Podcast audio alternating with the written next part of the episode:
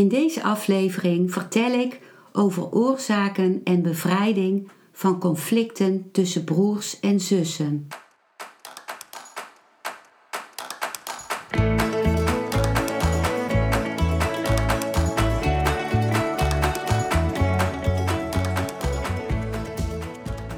Welkom bij een nieuwe aflevering van Modita's podcast Van Pijn naar Zijn. De podcast waarin ik je meeneem voorbij de pijn in je leven naar wie je diep van binnen bent. Hoe kun je beter omgaan met je gevoelens? Hoe vind je rust in je hoofd? Wat zit er precies achter je pijn? En vooral, hoe kun je steeds meer jezelf zijn? Adem eens diep in en uit. Ik wens je veel luisterplezier.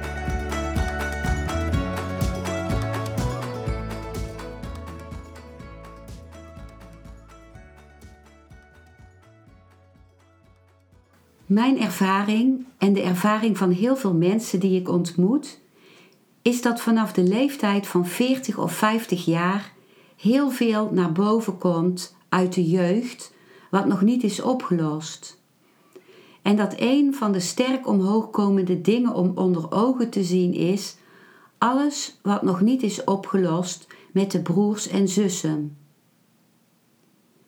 Wanneer iemand een familieopstelling bij mij boekt, is dat niet zelden met de opmerking: Ik heb de relatie met mijn broer of zus helemaal afgesloten, omdat ik het niet meer trek in dit contact. Maar ook als je zo'n contact denkt af te kunnen sluiten, blijft het aanwezig en beïnvloedt het al je andere contacten.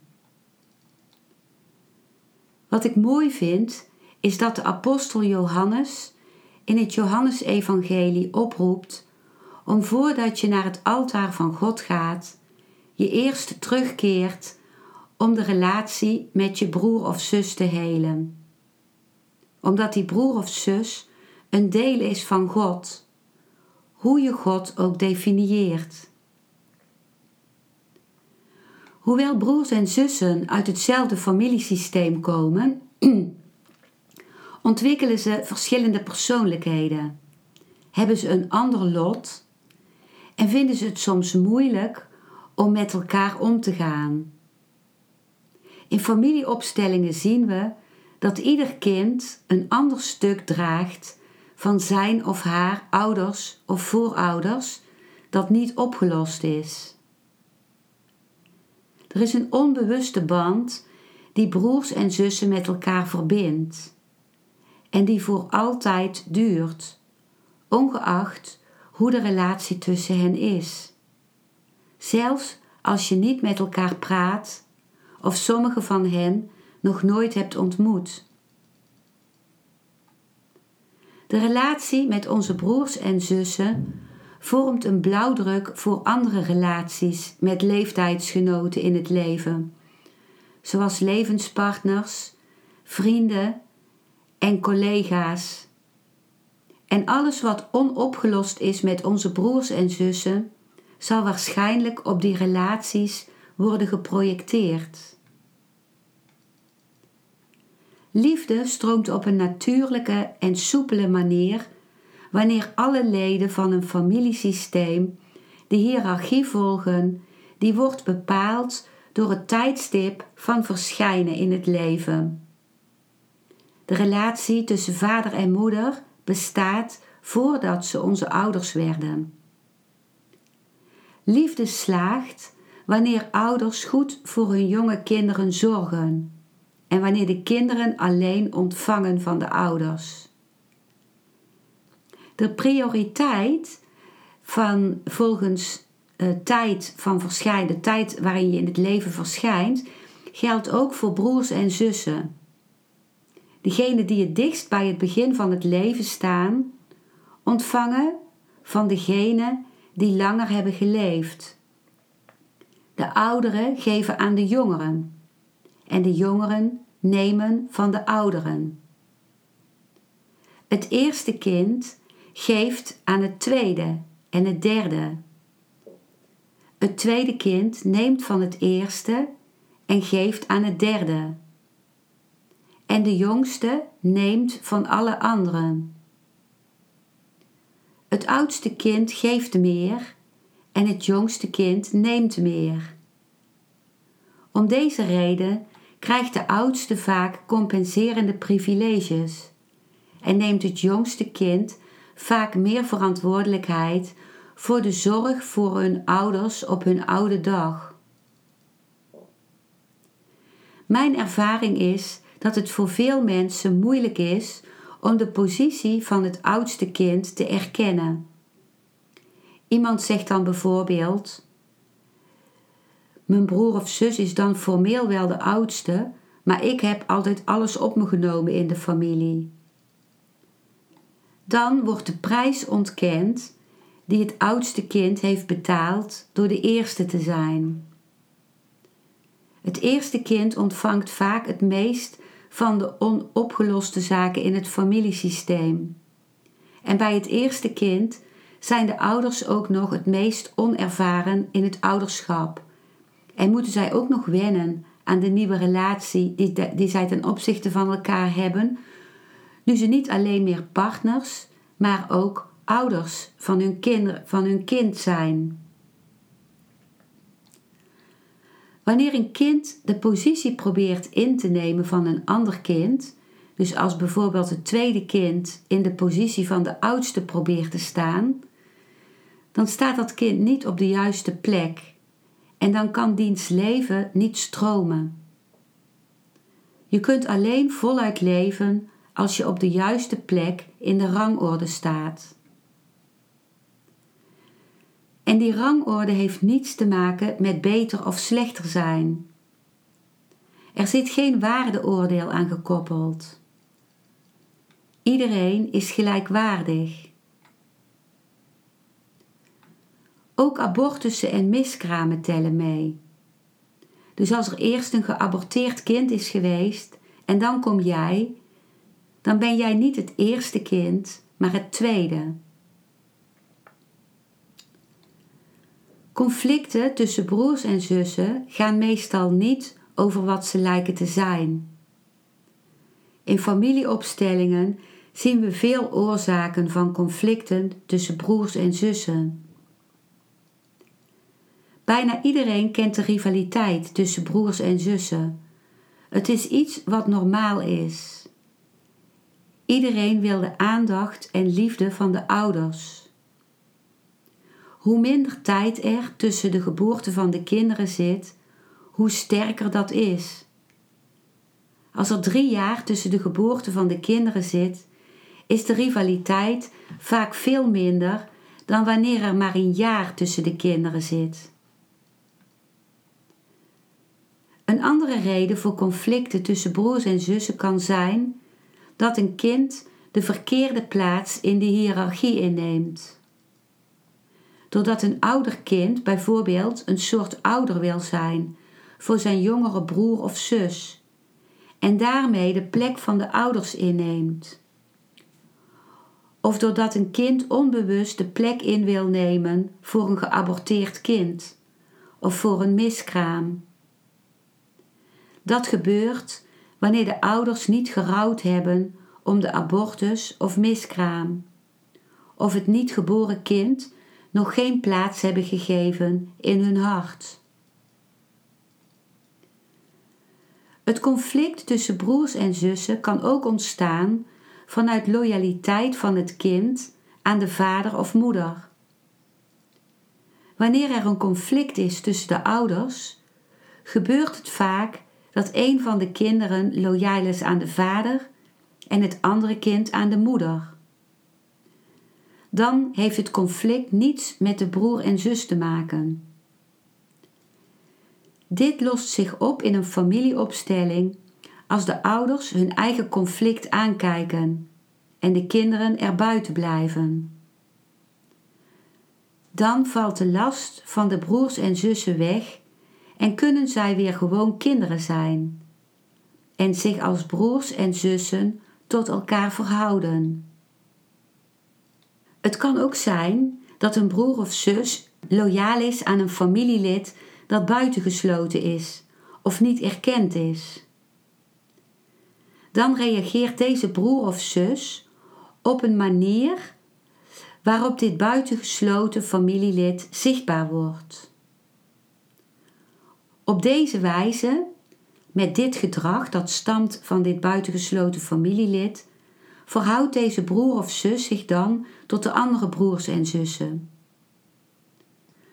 Wanneer in een familieopstelling het buitengesloten familielid zichtbaar wordt en erkend wordt, is deze broer of zus bevrijd en kan deze zich weer openen naar de andere broers en zussen. Conflicten tussen broers en zussen kunnen ook ontstaan als er conflicten waren tussen de moeder en haar broers en zussen. Of tussen de vader en zijn broers en zussen. Als die conflicten van de ouders met hun broers en zussen niet zijn opgelost, kunnen ze worden overgedragen op hun kinderen. Hun kinderen zijn dan loyaal aan hun ouders, door ook een conflict te hebben met hun broers en zussen. Deze oorzaken van conflicten tussen broers en zussen zijn vaak onbewust aanwezig. Ze worden vaak verergerd bij bepaalde levensgebeurtenissen, zoals wanneer, wanneer er een ouder sterft en die ouder een erfenis nalaat. Wanneer de verstrikkingen zichtbaar worden in een familieopstelling, verschuift er iets van binnen, wat meestal ook een positief effect heeft in de relatie tussen de broers en zussen. Wat is nu belangrijk om conflicten met je broers en zussen op te lossen? Het is belangrijk om te weten dat er onbewuste dynamieken en loyaliteiten zijn die de relatie beïnvloeden. Het is ook belangrijk dat de broers en zussen die eerst kwamen geëerd worden. En dat iedereen geëerd wordt zoals hij of zij is. Het is ook belangrijk om de juiste plaats in te nemen binnen de lijn van broers en zussen, inclusief geaborteerde broers en zussen, miskramen, doodgeborenen en broers en zussen uit buitenechtelijke relaties van onze ouders. Het is ook belangrijk om alle anderen hun plaats te geven, volgens hun volgorde van aankomst in het gezin.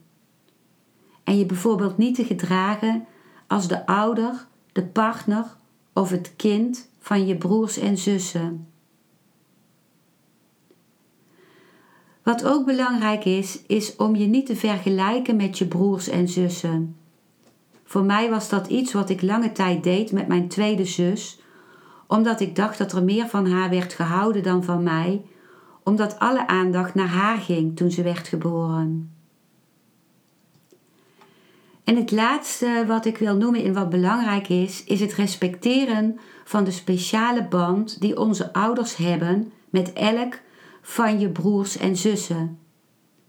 Wetende dat het soms een last kan zijn om te dicht bij je ouders te staan. Wanneer je bijvoorbeeld het favoriete kind van je ouders bent, zit je vaak gevangen in de oudersfeer. En dan wordt het moeilijker voor je om zelfstandig in het leven te staan. Bij mij en mijn drie jongere zussen is sinds ons veertigste jaar veel vanuit onze jeugd naar boven gekomen, wat we individueel en in relatie tot elkaar verwerkt hebben. Dat betekende dat we soms door hele, hele pijnlijke situaties heen gingen. Maar we zijn er altijd mee bezig gegaan en hebben altijd de bereidheid gehad naar elkaar om het op te lossen. Dat is omdat liefde en betrokkenheid steeds het belangrijkste zijn geweest. Hoe meer liefde er is, hoe meer pijn er vaak ook is. Maar uit eigen ervaring kan ik zeggen dat het zo kostbaar is om het niet op te geven als het contact te pijnlijk lijkt. Dat wil niet zeggen dat er niet soms omstandigheden kunnen zijn waarbij iemand een grens over is gegaan waarvan de gevolgen onomkeerbaar zijn. Maar wanneer je de diepte in wilt gaan en het echt wil onderzoeken, dan kan het zo kostbaar zijn om er eerst in een familieopstelling naar te kijken. Dat kan alleen als je daar ook open voor staat. En ik realiseer me dat dit niet bij iedereen zo zal zijn. Mocht je samen met mij in een familieopstelling naar de relatie met je broer of zus willen kijken, dan ben je van harte welkom voor een live opstelling met een afstand van anderhalve meter vanwege corona bij mij thuis in Eindhoven. Of voor een opstelling via Zoom. Dat werkt even krachtig. Ik noem de link naar, mijn, naar de pagina van mijn website over familieopstellingen in de beschrijving onder deze podcast aflevering. Ik wens je heel veel goeds in de relatie met jouw broers en zussen. Dankjewel voor het luisteren naar deze aflevering. Ik hoop dat hij je een nieuw inzicht of perspectief heeft gegeven. Ik hou van interactie, dus als je iets wilt delen, stuur me dan een mailtje op info@genietenvanmeditatie.nl. Ik geef je dan altijd antwoord. Ik wens jou dat je vreugde in het dagelijks leven zult ervaren en innerlijke rust. En dat je steeds meer je pijn zult kunnen omvormen in zijn.